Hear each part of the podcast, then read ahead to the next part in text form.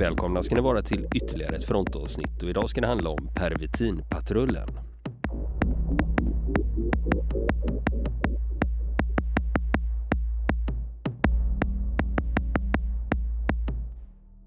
Ja du Niklas, pervitin ska vi prata om idag. Ja, det, det ska vi göra. Och eh, Vi kanske ska säga först innan vi, innan vi går in på ämnet så att säga, då i dess dubbla bemärkelse här då att du har dragit på dig en riktig mancold här. Så att, så, så att det, det, är inte, det är inte fel i era hörlurar utan det är, det är, det är Robert som är, är riktigt förkyld. Ja, så ni kan ju, om ni drar ner basen och höjer diskanten så låter det lite som vanligt. Ja, just det. Ja. Ja, jag kanske skulle behöva lite pervitin för att pigna till. Ja, det, kanske det, kanske det. Nu, ska vi, nu är det ju inte drogpropaganda vi ska syssla med i det här, det här avsnittet, men, men pervitin alltså, det är ju, det är ju ett, ett av många namn för metamfetamin då. Som är ett slags, eh, slags uppåttjack då, som är ju väldigt, väldigt eh, spritt idag, tyvärr på många sätt. Eh, och det har ju en militär bakgrund är det ju för de som är, kanske inte, inte har koll på det. Att det, här, det här eh, ämnet först då. Den här drogen skapades första gången i Japan i slutet av 1800-talet av en kemist och utvecklades där sedan i början av 1900-talet. Men det var egentligen i Tyskland, Hitler-Tyskland på 1930-talet som, som den fick eh, sitt största militära genomslag, den här, eh, den här drogen då, just under namnet pervitin då. Där den, eh, där den började tillverkas eh, och man forskade vidare på den här, den här eh, drogen då och eh, den började säljas 1938 på öppna marknaden i Tyskland. Och eh, den, bland annat då i sin civila form så såldes den i form av chokladpraliner och kallades då eh, släms för hemmafru-choklad. På den här tiden då, Hausfrauen Schokolade. Och, men den fick ju också snabbt en militär användning därför att eh, man kunde hålla soldater igång uttröttade soldater kunde man få att eh, strida ännu längre då än vad som egentligen hade varit fysiskt möjligt. Och, och då var det ju i synnerhet då under blixtkrigen då mot Polen 39 och sen Frankrike 1940 så användes metaamfetamin av tyska soldater i stora mängder då spelade en viktig roll då under den tyska operationerna. Och då ska man veta att som ett exempel då så general Heinz Guderian som ledde den pansarkår som hade nyckelrollen under eh, fälttåget i väster 1940, den som bröt igenom ända fram till, eh, till eh, Engelska kanalen och nådde var först med att eh, skära av de franska och eh, brittiska trupperna som hade marscherat in i Belgien. Där hade han för bara en av pansardivisionerna i hans kår så hade, hade man beställt 20 000 tablett, tabletter av pervitin för att hålla nyckelpersonalen vakna under operationerna. Och den fick då bland soldaterna eh, många olika öknamn. Till exempel så kallas det för stridsvagnschoklad eller Stuka-tabletter och Hermann Göring-piller och pilotmarsipan. till exempel. Den användes ju av Luftwaffe då också, då, av piloter. Eh, och den effekterna då var att den dämpade skapade rädsla och ångest och ökade prestationsförmågan och koncentrationsförmågan och gjorde att soldaterna också fick ett överdrivet självförtroende. Så då var det vissa soldater i nyckelpositioner, det var fordonsförare och piloter som framförallt fick, eh, fick det här då.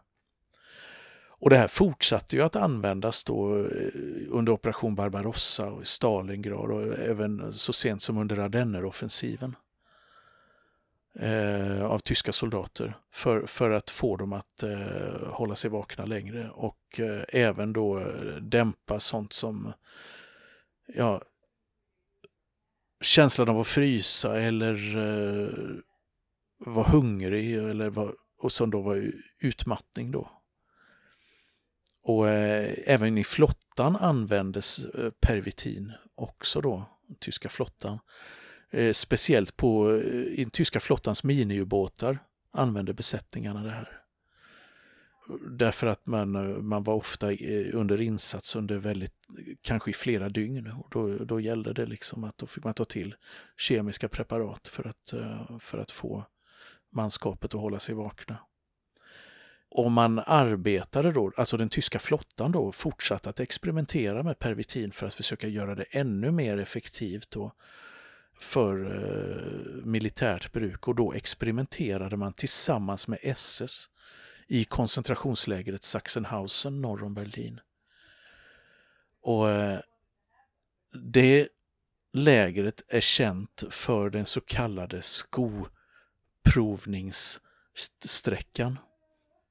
Och det där var en ökänd, eh, en ökänd eh, sak där man använde eh, Eh, lägerfångar som fick prova ut marschkängor. Och som alltså tillbringade dagarna med att, eh, med att marschera eller, eh, eller ja, utöva språngmarsch runt, runt, runt, runt i lägret tills många av dem stupade av utmattning med ja, fatala följder då för de här fångarna då i SS-vakternas händer. Men eh, man använder dem som, försöksdjur för att testa marschkängor.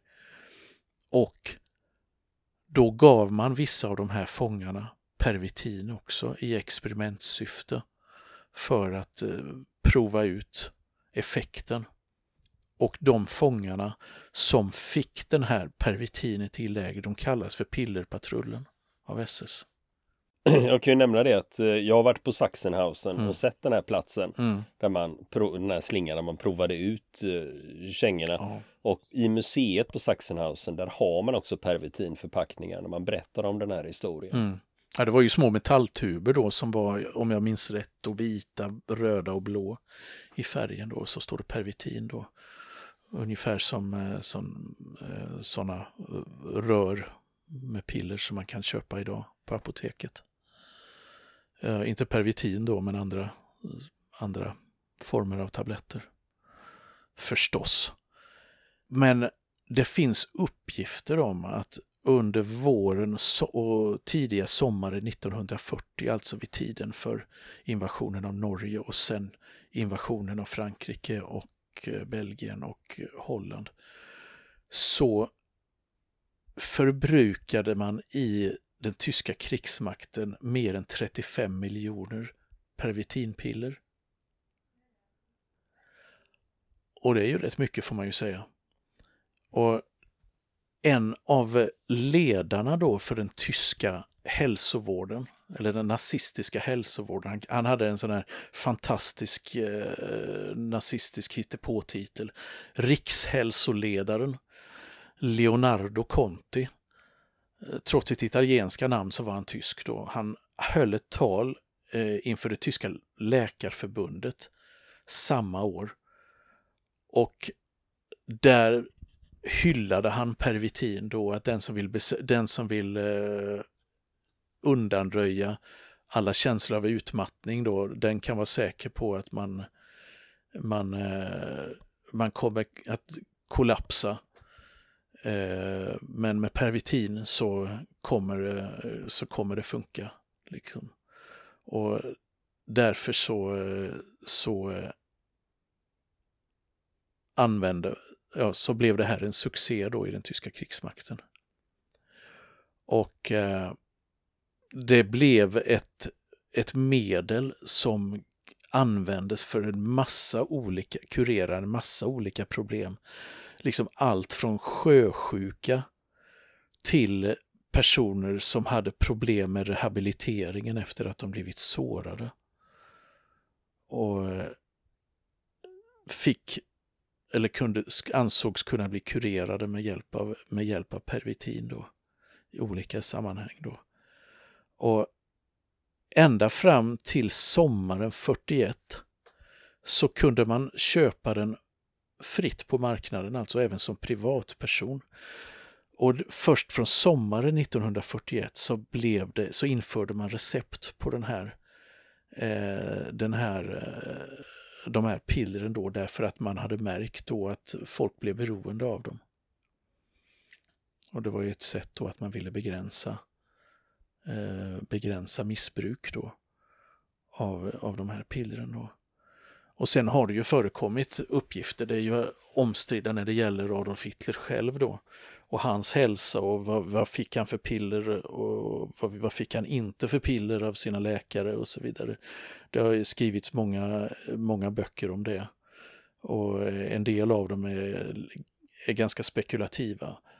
Men där har det ju förekommit uppgifter om att han också ska ha fått pervitin, pervitintabletter och till och med injektioner eh, mot slutet av kriget av, eh, av metamfetamin eh, av sin läkare för att eh, kunna orka mer. Och eh, även, alltså det, och det här var ju inte, pervitin, det var ju inte begränsat till den tyska armén utan det användes ju under andra världskriget även i amerikanska, brittiska och japanska eh, arméerna. Eh, så att det fanns ju en ganska, mm, ja, ganska utbredd tro på det här, det här medlet på den tiden. Och även efter kriget, alltså i, under kalla kriget, så användes pervitin ganska flitigt i många länder av militär i många länder. Och bland annat då både av den tyska, västtyska armén Bundeswehr och av den östtyska. Eh, ända in på 70-talet så delades pervitin ut i, eh, ja, i vissa fall bland annat till fallskärmsjägare som använde det under övningar. Och det producerades då på bägge sidor av järnridån. Eh, och ja, även, även ännu längre fram i tiden då, alltså så eh, under Vietnamkriget så användes det av amerikansk militär. Eh, och eh, eh det har även använts som dopingmedel i sport. Så att det är eh, ett medel som har, har fått många olika, många olika användningar genom, genom åren. Då. Eh, väldigt starkt stimulantia då och eh, som kunde få slutkörda soldater att för några timmar åka med ytterligare lite mer intensiv action så att säga. Och överdosering av det här orsakade naturligtvis ett livsfarligt delirium eller en förvirring och som endast en fysiskt väldigt stark person kunde överleva. Och vi har en historia här då som vi, vi tänkte uh, ta för våra läsare från det, från det finska fortsättningskriget. Um, som vi har fått översatt för oss av uh, en av våra uh, lyssnare. Så är det va? Det tack, och det tackar vi så mycket för. Jajamän, det gör vi. Det, våra kunskaper i finska är tämligen begränsade. Eh, men, så det här är ju en jättespännande historia då som vi har, vi har fått tag på. Då. Det är en fjärrpatrullman som berättar här om sin sista fjärrpatrull där den mänskliga toleransens normala gränser vid flera tillfällen behövde överskridas. Och den här berättelsen då, den rör sig i gränslandet mellan sanning och inbildning. Och där den detaljerade sanningen så att säga, den är för evigt lämnad i ödemarkens mörker kring norra Vienan, alltså det är en del av Karelen. Och ska vi börja tycker du? Ja visst, det blir jättespännande. För det är just det där, för vi pratar ju ofta om det är när vi pratar om sådana här grejer, vi pratar om liksom just det här med pervitin, vi berättar om hur det användes Ja, liksom, men nu ska vi få höra en story ur verkligheten när det kom till praktisk användning. Mm. Ska vi säga något om var den kommer ifrån den här historien? Ja, det här kommer från en finsk tidning eller en finsk bok och det var att jag googlade kring det här med pervitin Eh, och jag var nyfiken på just det här att okej, okay, vi har läst om det, vi vet vad det är, vi vet hur förpackningarna ser ut, vi vet hur de användes. Men så hittade jag den här storyn då. Men så var det ju det att den var på finska. Va? Och det ställer ju till det eftersom vare sig du eller jag kan ju finska då. Men då var det faktiskt, eh, jag la ut en liten efterlysning på vår Facebook-sida och frågade finns det någon som kan översätta det här till svenska? Och det fanns det ju såklart. Så Jani där hörde av sig och eh, översatte texten åt oss och tack så mycket för det. Mm. Just det, det är vi tacksamma för. Och då börjar vi. Och berättelsen den, den heter Pervitinpatrullen och författaren han heter Aimo Koivinen. Och så här berättar Aimo Koivinen. Jag berättar här om min fjärrpatrull som jag gjorde vintern 1944 i trakterna kring Kantalahti. Det var på den tiden då ryssen försökte häva blockaden vid den motti som hade uppförts kring Alakurti.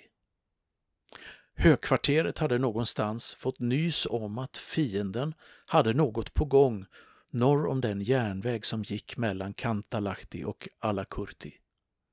Jag tillhörde högkvarterets spaningsbataljons fjärde kompani i vars patrullområde detta nordligaste patrullområde ingick. Vårt kompani var även känt som avdelning Patsalo. Från högkvarteret gick order ut om att kapten Patsalo skulle skicka ut pojkarna för att kolla vad det var som pågick. Jag hade kommit till avdelning Patsalo vad jag minns redan sommaren 1942. Således hade jag hunnit med många olika sorters turer. Jag höll mig själv för något av en skidåkare, varför jag också fått komma med i det här fjärrpatrullgänget. Inför denna vinter hade vi dock övat och tränat riktigt ordentligt. Jag hade en vecka tidigare kommit tillbaka från en patrull och hade tänkt ta permission när löjtnant Norry frågade mig om jag ville hänga med på en ny patrull. Det var tydligen en tuff tur på gång. Det här var första gången Norry frågade mig om att delta i hans patrull. Och då de andra grabbarna talat gott om honom så tackade jag ja och lämnade permissionen till en annan gång. Vi hade åkt skidor i drygt två dygn med endast några få korta stopp på vägen och närmade oss nu vår destination. Det var den 18 mars 1944 och klockan var cirka 10. Dagen var solig och det var cirka 15 grader kallt. Vi ankom till trädgränsen vid Kajtafjället. Framför oss öppnade sig ett fantastiskt landskap med ett par kilometer av kal fjällsida uppåt. Fjället i sig skulle sträcka sig 10 kilometer på längden. Jag tyckte att det var en mäktig upplevelse att bara vara på fjället då jag själv var uppväxt i det platta egentliga Finland. Alltså i sydvästra Finland. Det är ju ett landskap alltså som kallas för egentliga Finland. Patrullens ledare, löjtnant Norry, gav halt, förklarade kort situationen och gav order. Patrullen stannar här i skogen och tar, med ledning av Fenrik Rytkynen, skydd i skogen. Sätt ut vaktposter, men sedan kan ni ha en liten kokeld för matlagning bland träden. Jag, Help och Velikangas tar oss upp till toppen och spanar. Det ska finnas en väg. Om ni behöver omgruppera så samlas vi vid fjällets västra ände och nästa etapp blir då den västra branten på Kotamoberget där löjtnant Honkanen möter oss med sin patrull. Så här ordade löjtnant Heikki Norri och började klättringen mot toppen. Där på fjället hade vägen även funnits sådär tre kilometer från fjällets topp. Jag och grabbarna gjorde upp en liten brasa och jag fyllde på med snö i min snuskburk. Jag kände mig mentalt tyngd av denna resa. På kvällen, när vi hade åkt skidor över ett av fiendens patrullspår, hörde vi efter en stund ett skott. På vägen upp för fjället hade också ett flygplan flugit över oss. Det var säkrare än säkert att vi mycket snart skulle lämna platsen och omgruppera. När jag fyllde på ved på brasan och snö i burken så bestämde jag att det även vore ett bra tillfälle att valla skidorna. När kokvattnet sedan började bubbla uppfylldes även mina föraningar. Två vaktposter, placerade cirka 400 meter bort i ankomstriktningen, öppnade eld med sina k-pistar. Snart svarade fienden med moteld. Då de använde exploderande ammunition kändes det som att de fanns överallt. Fenrik Rytkunen beordrade eldställning, men de som hade mest bråttom började istället pila iväg västerut. Det skulle också enligt min mening vara vår räddning då det skulle lämna vägen framåt öppen för oss. Jag rörde mig mot gläntans kant för att spana. Främst för att se till Norry och pojkarna på toppen. Därifrån kom dock en pluton med ryssar i snökamouflage åkande neråt. Avståndet var fortfarande så långt att det inte lönade sig att skjuta. Jag åkte tillbaka mot Rytkunens gruppering igen och där omgrupperingen redan var påbörjad. Jag åkte tillbaka till kanten av gläntan och uppmanade en signalist att hänga på mig. Nu hade mängden män som kom från fjället ökat. Ett par 300 meter längre västerut kom ytterligare en styrka av plutons storlek med en tydlig avsikt att omringa oss. Plutonen som kom emot oss var en sådär 150 meter ifrån oss, så vi öppnade eld. Det hade en klart lugnande effekt. Jag vet inte om vi träffade, men de hade inte längre så bråttom mot oss och vi stannade inte kvar för att vänta på dem. Grabbarna skrek nu att vi lämnar eldställningarna och förflyttar oss. Någon skrek också uppjagat att vi var omringade. Vad jag kan minnas tog denna strid vid lägerplatsen cirka tio minuter. Därefter drog vi oss tillbaka och sköt medan vi skidade. Men då vi framryckte i kö så vågade sig ryssen nära. Ibland var det så lite som 20 meter bakom oss. Jag hade med mig minor för skidspåren och Rytkunen gav också order om att minera. Jag bad kompisarna sikta noggrant så jag skulle få tillfälle att aptera. Men det var inte så mycket till hjälp. Jag var tvungen att försöka köpa tid genom att åka på, framåt, upp i kön. Jag åkte så pass långt fram att jag hann upp en kamrat som hade ett gevär istället för k-pist. Jag lånade geväret, tog en bra eldställning och tömde magasinet. Det gav oss lite lugn och ro. Från fjället kom den andra plutonen nu rätt emot oss, men de nådde inte ända fram. Vi hade rört oss några hundra meter från lägerplatsen. Vi sköt ostrukturerat, men av oss hade ingen ens sårats. Hoppas nu bara att vi kan bryta oss igenom annars innan vi faktiskt blir omringade eller att vi förlorar någon. Rytkynen beordrade mig att igen att minera spåren. Jag apterade ytterligare några stycken, men då ryssarna bara verkade åka runt minorna så ökade jag bara på framåt istället. Jag förklarade att det enda som funkar nu är att öka farten. Grabbarna menade att när det är så djup snö, så djup att skidan åker knädjupt ner, så orkar ingen spåra snabbare än vad vi redan gör. Ett par man borde släpa efter och fördröja våra förföljare. Jag tror jag då blev lite förbannad. Jag konstaterade att vi nu har minst ett kompani efter oss. Det är inget som ett par man stoppar. Gå fram och spåra själv då, skrek någon. Jag gick fram med inställningen att nu jädrar ska det spåras. Och jag tror minsann att farten ökade. Efter en stund som frontman och spårare började jag känna darrningar i kroppen och jag kände mig lite svag. Bakom mig bara fortsatte skottlossningen och grabbarna krävde mera fart. Jag kämpade mitt allra yttersta. Det var redan eftermiddag och när vi hade slagit läger så hade vi ju inte hunnit äta. Nu hade vi kämpat ytterligare några timmar efter att bara ha ätit en smörgås till frukost. I min packning hade jag hela patrullens doser av pervitin. Jag tänkte först ta en dos, men då jag från början varit avvokt inställd till substansen så lät jag ändå bli. Jag blev svagare och svagare och orkade inte riktigt hålla tempot på skidorna. Jag var trött. En av grabbarna skrek till och med ”Sov inte Aimo!” Då blev beslutet klart. Tabletterna låg i bröstfickan. Jag försökte med handskarna på ta fram en tablett. Men när jag drog fram handsken så var det flera tabletter som hade fastnat på den. Utan att sänka farten tryckte jag i mig allihop som fastnat på handsken.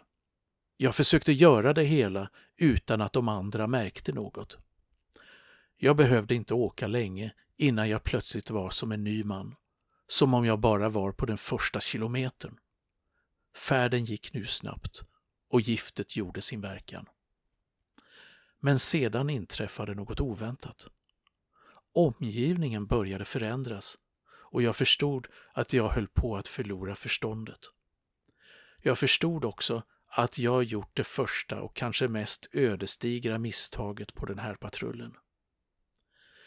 I efterhand har jag fått berättat för mig att jag i min förvirring blivit farlig för min omgivning, så de hade tagit mina k-pistmagasin från mig.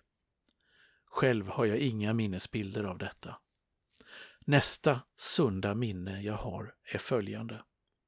Jag står på mina skidor vid den finska gränsen. Vid något tillfälle har jag kommit ifrån de andra. Eller så har de kommit ifrån mig.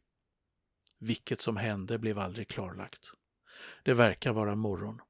Men jag vet inte vilken dags morgon. Den 19, den 20 eller kanske någon helt annan dag. Jag vet att till Kajtafjället, varifrån vi raskt drog oss tillbaka den 18, dit är det fågelvägen dryga 100 kilometer. Jag försöker sortera mina tankar för att förstå min situation. Frågorna hopar sig i min överhettade hjärna. Varför är jag ensam? Var är de andra? Hur kom jag hit? Jag fick ingen klarhet, utan en smygande skräck kröp upp på mig. Jag beslutade mig för att lugna ner mig och att stärka mig genom att äta. Det hade hjälpt förr. Jag tog av mig skidorna och satte mig på dem. Jag tog av ryggsäcken och k-pisten som jag hade på ryggen. Har jag tappat magasinet i k-pisten? Strunt samma. Det har jag inte tid att sörja över. Nu är det viktigare med mat. Jag öppnar ryggsäcken. Den är tom. Ingen mat, inget magasin, ingenting. Hur är det möjligt? Bara lite nedstämd drog jag på mig ryggsäcken, k-pisten och skidorna. Jag tittade på min handledskompass. Åt vilket håll ligger Finland? Jag är inte i nöd. Löjtnant Honkanen är med sin patrull vid Kautamofjället för att möta oss. Det är inte det närmsta fjället, men säkert det är där borta. Det ser åtminstone väldigt likt ut. Riktningen är sydvästlig och det borde vara cirka 10 kilometer bort. Jag ställer in kompassen och beger mig iväg. Grabbarna är säkert redan där. Undrar hur det gick för Norry. Hur kom jag ifrån de andra, undrar jag och undrar jag och undrar om jag somnade utan att de andra märkte något. Sedan bryts minnesbilden igen. Efteråt räknar jag ut att jag har ätit hela patrullens doser av pervitin. 30 stycken små vita tabletter. Jag tror mig minnas väldigt tydligt hur jag står med resten av patrullen på toppen av berget och grälar om var vi är. Jag hävdar att vi redan är vid Kautamofjället. Det känner jag ju igen efter mina många turer. Och därifrån kommer det ju redan rök. Jag åker dit, pratar med Honkanens grabbar. Jag åker ner för fjället och på vägen kommer jag åter till sans. Jag har ramlat och de andra syns inte längre till. Du verkar se syner, Raimo, inser jag. Jag kravlar upp ur snön, men jag ser fortfarande röken från eldar. Jag kramar lite snö och trycker det mot ögonen. Det verkar vara våra eskorterande tyskar. Jag fick en bra känsla. Nästan som om jag redan vore hemma. Och med det så pausar vi faktiskt eh, berättelsen om Pervitinpatrullen och så fortsätter vi med den eh, nästa vecka. Vill ni komma i kontakt med oss så kan ni göra det via vår Facebook-sida som heter Fronten. Det är inga problem för er att leta er fram där. Eller också så mejlar ni på vår mejladress och det är frontenpodcast.gmail.com.